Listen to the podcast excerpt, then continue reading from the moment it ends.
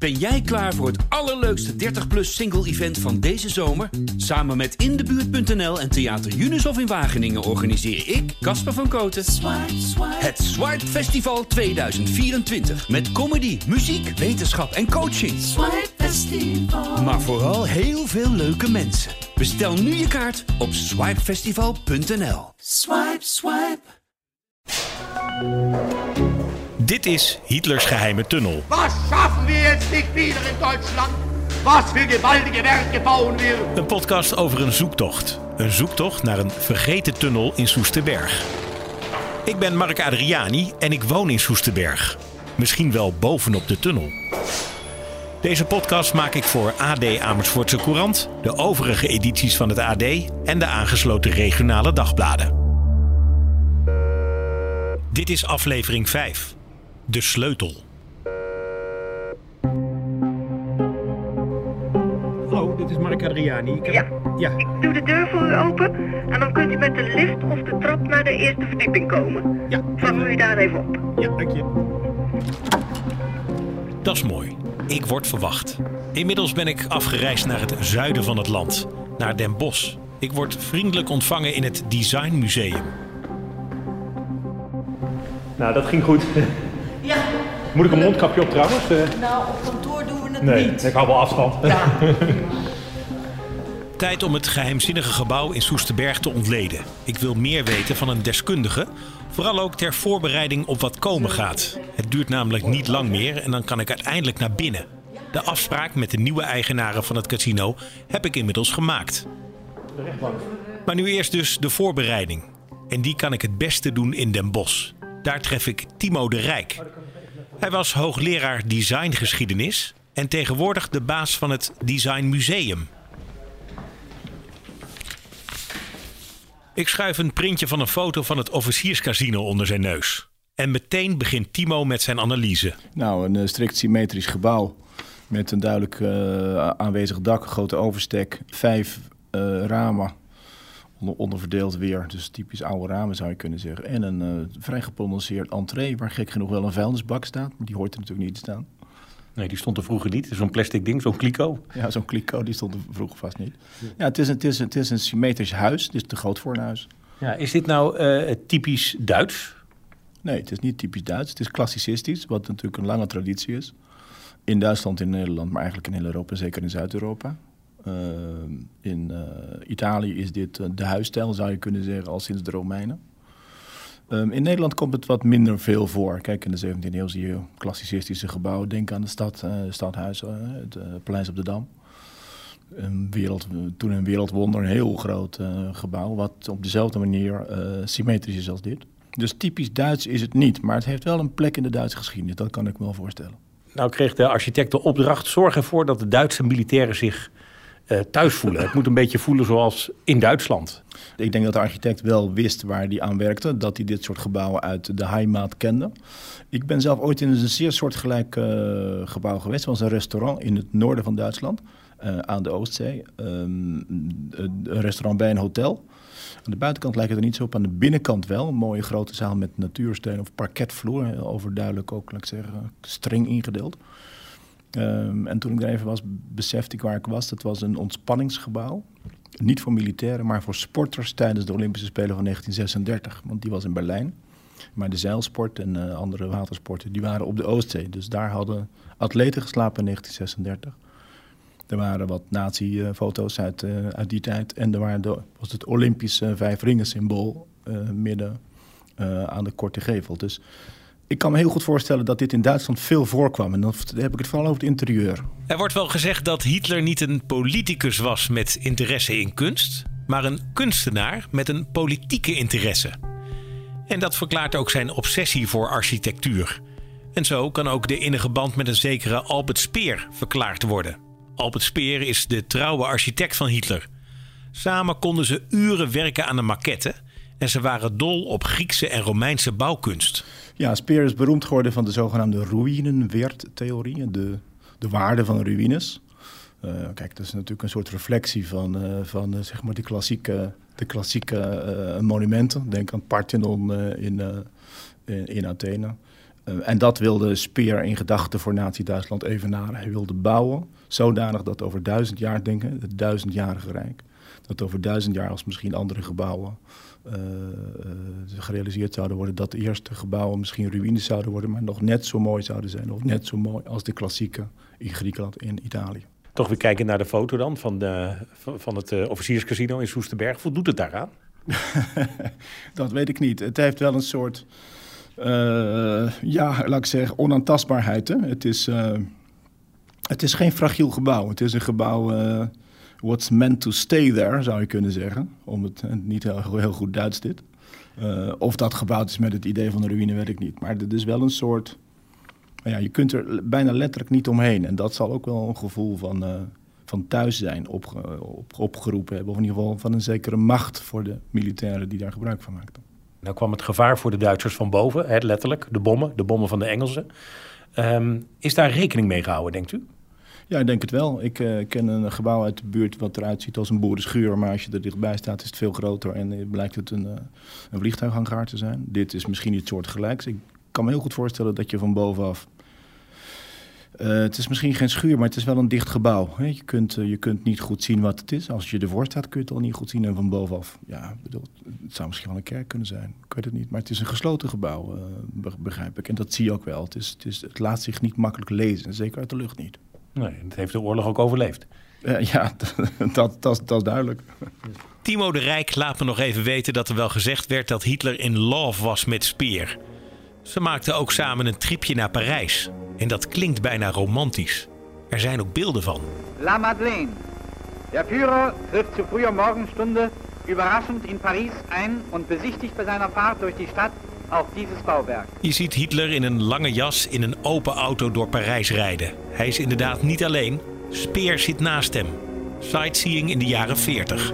Place de la Concorde. Een normale leider zou zijn troepen inspecteren, Hitler niet. Hij ging samen met Speer gebouwen bekijken. Links van Führer professor Speer. Zoveel passie voor bouwkunst. En dat verklaart ook dat de Duitsers in Soesterberg een prachtig gebouw hebben gekregen om te kegelen en te genieten van cabaret.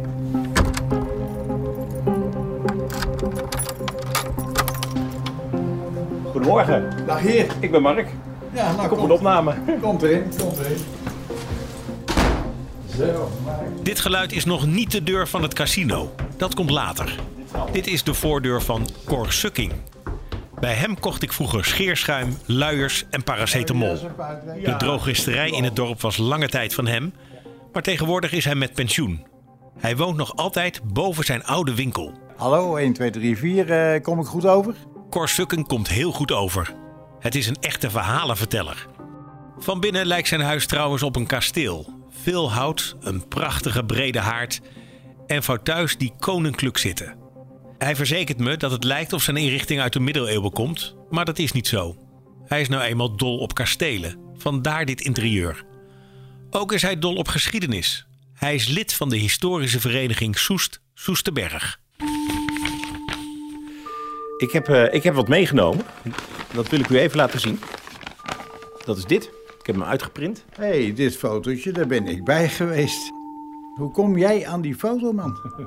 Die ja. heb ik genomen. Die nou, sterker nog, u staat op die foto. Nee, nee, nee, nee, ik sta niet op die foto. Er waren een paar mensen bij. Die man, dat was, uh, die heeft ons geïntroduceerd in een gang. En dit zou dus lijken op een gang waar de mensen het altijd over hebben. Van het uh, oude Weermachtsheim, zoals het heette vroeger, naar het vliegveld. Maar dat is het niet. Dit is gewoon een gangetje dat loopt ergens van een bunkertje naar een hangaar. En, die, en die foto die heb ik waarschijnlijk genomen, want ik was er ook bij. Deze man heeft ons geïntroduceerd. Dick Top was erbij en ik was erbij. En we waren geloof ik met z'n drieën, misschien was er nog wel één bij. Een, een, een gang die nog steeds bestaat. En zo nu en dan wordt die nog wel eens opengesteld. Dan kunnen de mensen dat zien. En wat er nu nog te zien is, zijn de plaatjes van de piloten die daar gezeten hebben en gevlogen hebben. Dat is nou nog te zien. Hebben ze allemaal intact gelaten. En enkele keer wordt hij eens opengesteld, maar ik vind eigenlijk dat hij te weinig wordt opengesteld. Ja. Er zijn veel meer mensen die daar wat van willen weten. Einde interview. Dit wil ik ongeveer weten. Hoe was het in de tunnel op de basis? Het antwoord heb ik. Het is, zoals in aflevering 4 al werd gezegd, een korte vluchtgang naar een bunker. Meer niet. Toch blijf ik nog even met Cor Sukking aan de praat. Hij vertelt over het verzet in Soesterberg. Leden van die verzetsgroep zijn inmiddels allemaal overleden, maar Cor heeft ze destijds vaak gesproken. Die verzetshelden die speelden een belangrijke rol. Dankzij hen bestaat het casino nog. Ja, want ik ken mensen van het verzet, die heb ik ook zelf gesproken en die hebben het ook verteld. Dat ze op het eind van de oorlog, toen er bijna geen Duitsers meer aanwezig waren, zij stiekem het gebouw ingegaan zijn. Want ze wisten, op de een of andere manier wist iemand van het verzet dat ze daar bommen hadden geplaatst. En daar zijn ze op zoek gegaan naar die bommen. Ze hebben ze gevonden in de kelder. En daar hebben ze met z'n tweeën, zijn ze daar naar binnen gegaan, hebben ze de draden doorgeknipt van de ontstekingen, zodat die bommen niet konden ontploffen. Dat is gelukt. Want de Duitsers wilden het opblazen en het is niet gelukt. Het ging gewoon niet. Dus die bommen die waren. En die hebben ze later, ja, hoe ze die bommen verder verwijderd hebben, dat weet ik natuurlijk ook niet. Maar die zijn natuurlijk. Uh, uh, later verwijderd. En het, nou, de Duitsers waren weg, want het, was gewoon op, het, op de, waren de laatste dagen van de oorlog. Dus uh, alle Duitsers trokken weg en ze moesten zoveel, zoveel mogelijk opblazen. Op het vliegveld hebben ze wel veel opgeblazen, maar dit gebouw hebben ze gelukkig net niet opgeblazen. Het verzet zorgde voor de redding van het Weermachtsheim. En dat is maar goed ook. Na de oorlog was het eerst even van de Canadezen, maar al eind 1945 was het van de KLM. Het was een internaat waar vliegers konden worden opgeleid. In 1953 kwam het in handen van Defensie. Natuurlijk vraag ik Cor nog even naar de tunnel. Hij gelooft inmiddels niet meer in het bestaan. Ja, ik denk het niet. Dan had ik het wel geweten. Dan hadden we het ooit wel een keer gehoord. Want er is zoveel over gesproken. Het enige wat wij toen gezien hebben, we hebben toen een rondleiding gehad uh, met, de met, met de Monumentendag. Dat is in september, geloof ik, 9 september of zo. En toen zijn we daar ook in geweest. En toen hebben ze dus de kelder laten zien. Enorm, een en al beton. Het is enorm goed gebouwd. En er waren twee openingen en die waren dichtgegooid. En toen vroegen wij van, zijn dat nou misschien de openingen van... Waren er twee. Zijn dat nou de openingen van de gang die... Nee, nee dat, is, eh, dat is niet zo. Die man, die, hij zegt, dat weet ik ook niet. Maar het is gewoon hier dichtgegooid. Dus, uh, ze hebben, of dichtgemetseld. dat weet ik niet al een tijd geleden. Maar dat, dat zou er dan op lijken dat dat een vluchtgang was. Maar ik heb er nooit iets van gehoord. Ja, maar dat is dus later dit, dichtgemetseld. Dus het was misschien in de oorlogsjaren gewoon nog een, een, open. Misschien was het open. Of misschien, eh, wat ik denk dat ze een, misschien een begin gemaakt hebben. Om daar die gang te bouwen. Dat ze, dat, toch, dat ze het toch niet gedaan hebben. Waarom weet ik niet. Maar ik geloof niet dat die er is. Nou, het wordt tijd dat ik dat gebouw inkom, hè? Ik, ja, ik, ik, denk dat je zelf maar eens een keer moet gaan kijken. Want uh, of er moet nog eens een keer een of andere commissie zijn die zegt... nou, we willen het nou eens echt weten. We gaan het eens echt onderzoeken. Maar ja, waar moet je dan, waar moet je dan zoeken en waar moet je dan gaan graven en, enzovoort. In die kelder. In de kelder, ja. Ja, de, eventueel wat er dichtgemetseld is weghalen en kijken of dat doorloopt. Dat zou de enige oplossing zijn, ja. Dan zou je kunnen kijken of er inderdaad nog wat doorloopt. Maar goed, het blijft een raadsel. en dat raadsel moet nu definitief worden ontrafeld. Wat hij zegt is wel interessant. Hij heeft het over twee openingen en die waren dichtgemetseld. Ik ben bijna klaar om het met eigen ogen te zien. Bijna. Eerst spreek ik Jeroen Rijpsma. Want als je tunnels zoekt in Nederland, dan moet je ook met hem spreken. Dat vindt hij niet zelf, daar is hij veel te bescheiden voor. Maar zijn naam werd tijdens mijn research regelmatig genoemd. Ook hem wil ik aan het woord laten voordat we de kelder van het casino gaan bekijken. Een mok thee, het is wel heet. Het hoort bij mijn voorbereiding. Een mok thee. Kijk, even kijken, dan ga ik daar zitten. Ja, dan mag ik jullie niet storen, begrijp ik? Nee, er mag geen geluid doorheen komen. Rijpsma bezocht twee keer de Obersalzberg. Dat is een berg van 1000 meter hoog in Beieren. Hitler had daar zijn buitenverblijf. En daar hadden ze genoeg tunnels. Daar zag je uh, toch honderden meters gangen. Onder de SS-kazerne, onder de Berghoofd, dat was zijn huis. Langs het huis van Borman, dat was ook ontsloten. Daar kon hij ook naar beneden en vluchtte die gangen in. En wat je in die gangen zag, uh, lange gangen waren dat. Daar waren heel veel ruimtes. Ruimtes voor bijvoorbeeld Hitler zelf, Borman, uh, ook voor Eva Braun. Die hadden daar hun kantoren. Uh, maar er was ook een keuken, uh, vergaderzaal. Uh, In feite konden er ook heel veel manschappen verblijven, allemaal ten dienste voor Hitler zelf. Je zag daar in feite een ondergronds dorpje. Hoe bent u dan te werk gegaan? Gewoon ergens naar binnen lopen, een gang in, zaklamp mee? Kwestie van zaklamp mee en je gaat overal in. Dat is dan toch een soort van spanning slash onderzoekzucht. En ja, ik denk dat, het, dat een spe speleoloog, zo'n grottendeskundige, hetzelfde gevoel heeft. je gaat gewoon steeds verder een, een, een ondergrondse spelonk binnen. En dat is een, een, wereldje op zich waar je in, in bent. Misschien een gevoel wat een duiker heeft in de diepzee. Je raakt in een heel klein wereldje en je, steeds meer valt alles je dan op. Omdat er geen geluiden meer zijn in het donker. Um, dus je kijkt heel goed om je heen. Tref ik wat aan wat ik interessant vind? En wat is de meest spannende expeditie die er toen is geweest? Je treft alle zwervers aan. Die houden zich dan stil en gedijst. Ja, daar schrik je natuurlijk enorm van. Ik heb ook wel eens uh, in een bunker uh, allerlei kaarsjes gezien en stond er uh, vreemde muziek op. Misschien een soort van seance, ik heb geen idee.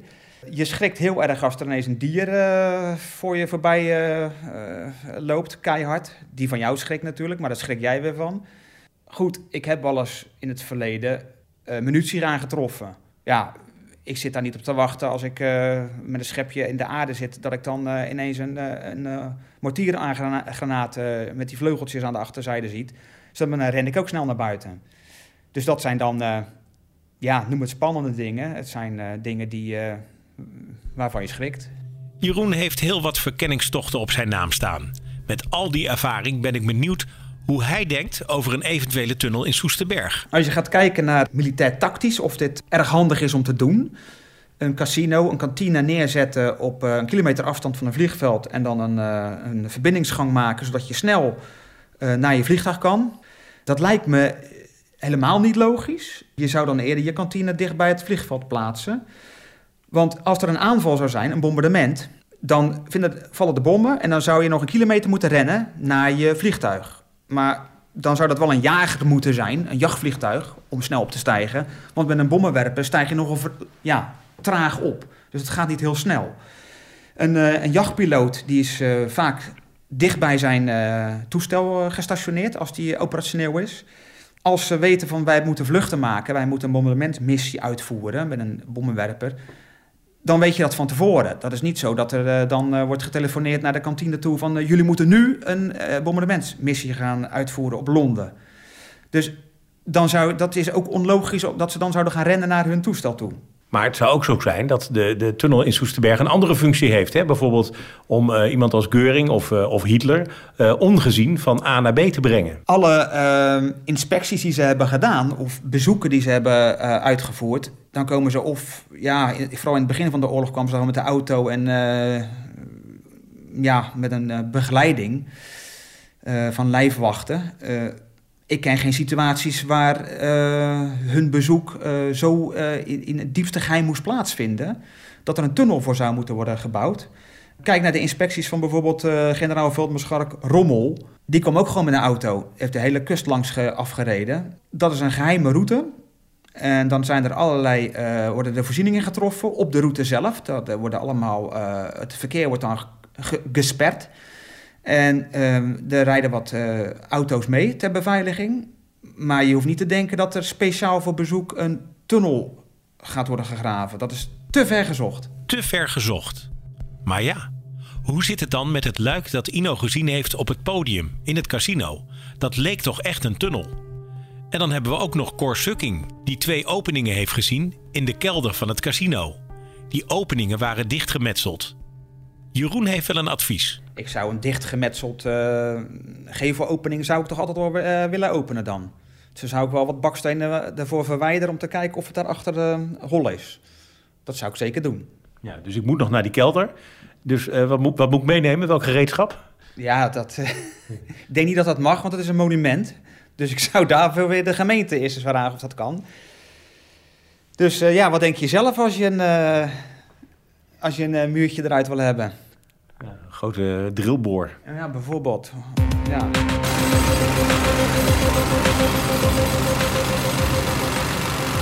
Laat ik maar eerlijk zijn, deze drillboor hoort niet thuis in deze podcast. Toch laat ik hem even horen. Gewoon om de aandacht te trekken. En dat is nodig ook. Het moment is namelijk aangebroken. We mogen naar binnen.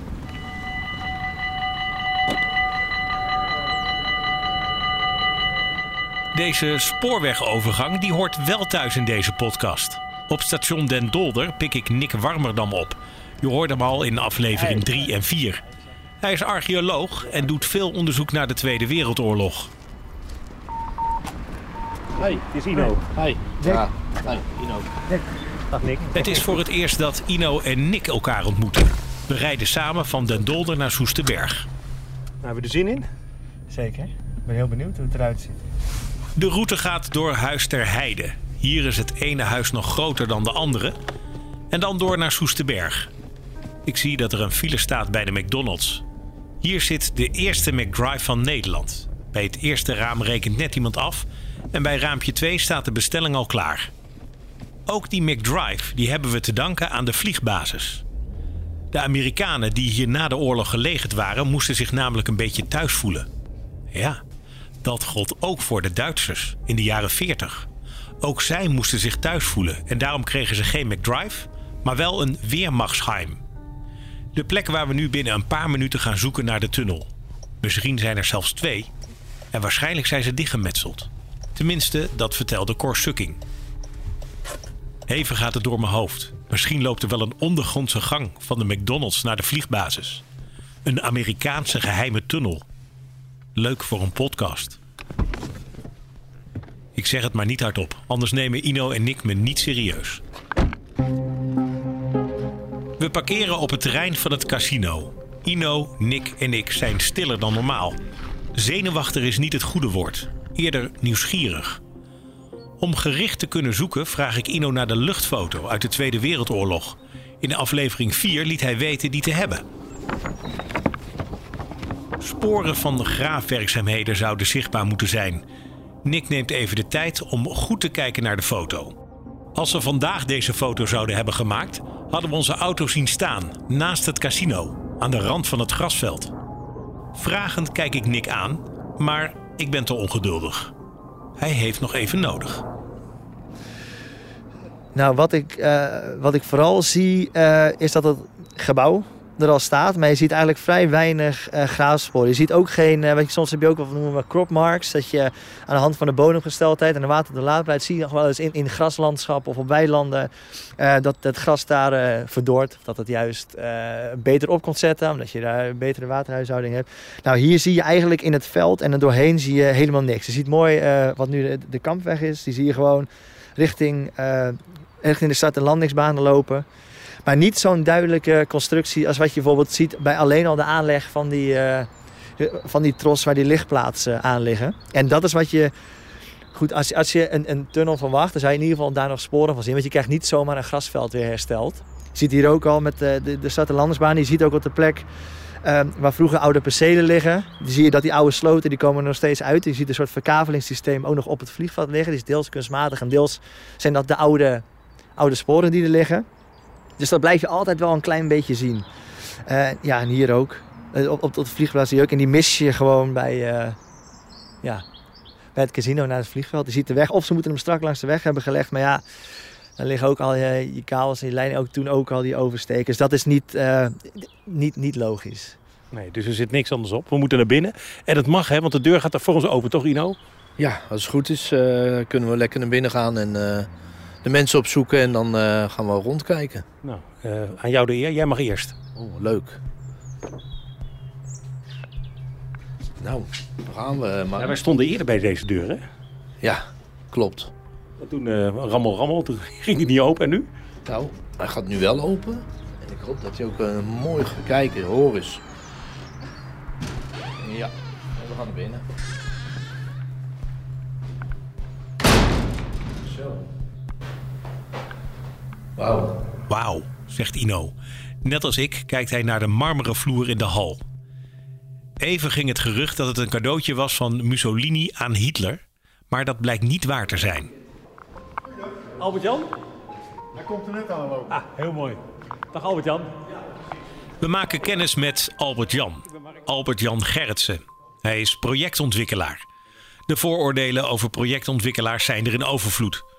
Ze kopen alles op, Ze verdienen te veel geld, rijden in een asociale bak, dragen dure pakken en zijn niet echt aardig. Maar dat beeld klopt niet, tenminste niet helemaal. Albert-Jan draagt wel een pak en heeft een grote auto, maar de rest klopt niet. Albert-Jan is erg aardig en praat met passie over zijn gebouw. Dat kan haast ook niet anders, want dit is een gebouw met verplichtingen. Het is een rijksmonument. We bevinden ons in het voorste deel van het pand. Ja, dit noemen wij de voorruimte van de grote zaal. En eh, we gaan nu daar de deur door naar de grote zaal, eigenlijk het hart van het officierscasino. Ja. Nu bent u de grote baas, hè, de eigenaar van, eh, van dit pand. Wat is nou het meest markante van dit pand? Ja, dat is zonder twijfel de grote zaal. Waarom? Ja, dan moeten we naar binnen lopen, dan laat ik het zien. We lopen richting een van de vier dubbele massieve houten deuren en dan de zaal in. Ik kijk naar Ino. Zodra we over de drempel stappen richting de zaal, waan ik mij even in de film Back to the Future. Als dit een scène uit die film zou zijn, dan zou het nu een willekeurige dag zijn in bijvoorbeeld 1942. Duitse soldaten zitten in uniform aan ronde tafels. Ook zij kwamen door deze deur naar binnen, langs het bronzen borstbeeld van Hitler. Om hun arm een bekende rode band met het hakenkruis. Op de tafels mooi servies en flessen wijn. Op het podium wordt muziek gemaakt. En wat meteen opvalt zijn meerdere vlaggen aan de rechterkant van de zaal. Natuurlijk ook daar weer dat hakenkruis. In werkelijkheid is de zaal leeg. Geen tafels. En daardoor zie je goed dat de vloer is opgedeeld in strakke vierkante vlakken. Het is een parketvloer. Aan de zijkant wat opgestapelde stoelen en de vlaggenmasthouders aan de muur die zijn leeg. En ook dat bronzen borstbeeld van Hitler is er niet meer. Ja, kijk zo mooi. En die ramen. Moet je zien van de ruimte. Bizar, hè? Ja. Je moet je voorstellen wat een grote tafels hier hebben, eh, waarschijnlijk hebben gestaan met uh, ik weet niet hoeveel mensen aan. En kroonluchters, hè? hoeveel zijn het er? Nou, wat zijn er? Acht? acht. stuks. Alles, moet, uh, alles moest groot zijn, hè? Alles moest groot zijn. De zaal is groter dan de grote zaal van Paradiso in Amsterdam. Albert-Jan voegt er nog aan toe dat er niet veel veranderd is sinds 1941. Uh, hij is eigenlijk intact gebleven zoals hij ooit is gemaakt door de Duitse bezetter destijds. Met een mooie houten vloer, grote vrije hoogte. Ik verwacht wel een meter of tien dat hij is. De originele kroonluchters hangen er nog in. En dan achter in het podium, uh, dat ook monumentaal is. En dat wij ook bij de toekomstige ontwikkelingen zo laten. Ja, prachtige zaal. Hoeveel, uh, hoeveel militairen konden hier feest vieren? Uh, dat hangt vanaf of er toen al coronamaatregelen waren. Oh. Nee, die hadden ze niet. Oh. ja, ik denk wel een paar honderd. Ja. Ja, ik ga even naar Ino. Ino, uh, in aflevering 1 had jij het over dat podium ja. daar achterin. Daar was dat luik, toch? Ja, ik ben een beetje huiverig nu. Want, uh, ik hoop dat het klopt wat ik toen gezegd heb. Dat was al jaren geleden. Nou, laten we eens even kijken. Mogen we gewoon rondlopen? Tuurlijk, tuurlijk. Kom verder. Ja, ik zei het al. Albert-Jan is aardig en gastvrij. Dat rondkijken hoor je volgende keer. Dan alweer aflevering 6. En ik wil het al verklappen, het valt niet mee. Ik, ik, ik, moet zeggen dat ik even de weg kwijt ben. Maar volgens mij was het een stuk lager hier, uh, hier achter naar beneden of zo. We gaan grondig te werk. We slaan geen centimeter over. Uh, nou, ik zit nu in denk een oude kabelgoot uh, te kijken. En dan zie je nog de originele Duitse wandbekleding achter. Het is kalkstandsteen met daarop ja, hoe heet die platen? Van die soort houtstroken met gips. Hoe dat afloopt hoor je volgende keer in aflevering 6. Meteen ook de laatste aflevering. En die moet je echt beluisteren, want dit is geen podcast met een open einde. Hitlers Geheime Tunnel is een podcast van Mark Adriani, gemaakt voor AD Amersfoortse Courant, de overige edities van het AD en de aangesloten regionale dagbladen. Wil je reageren? Stuur een bericht naar mark.adriani.nl. Eindredactie Kevin Goes.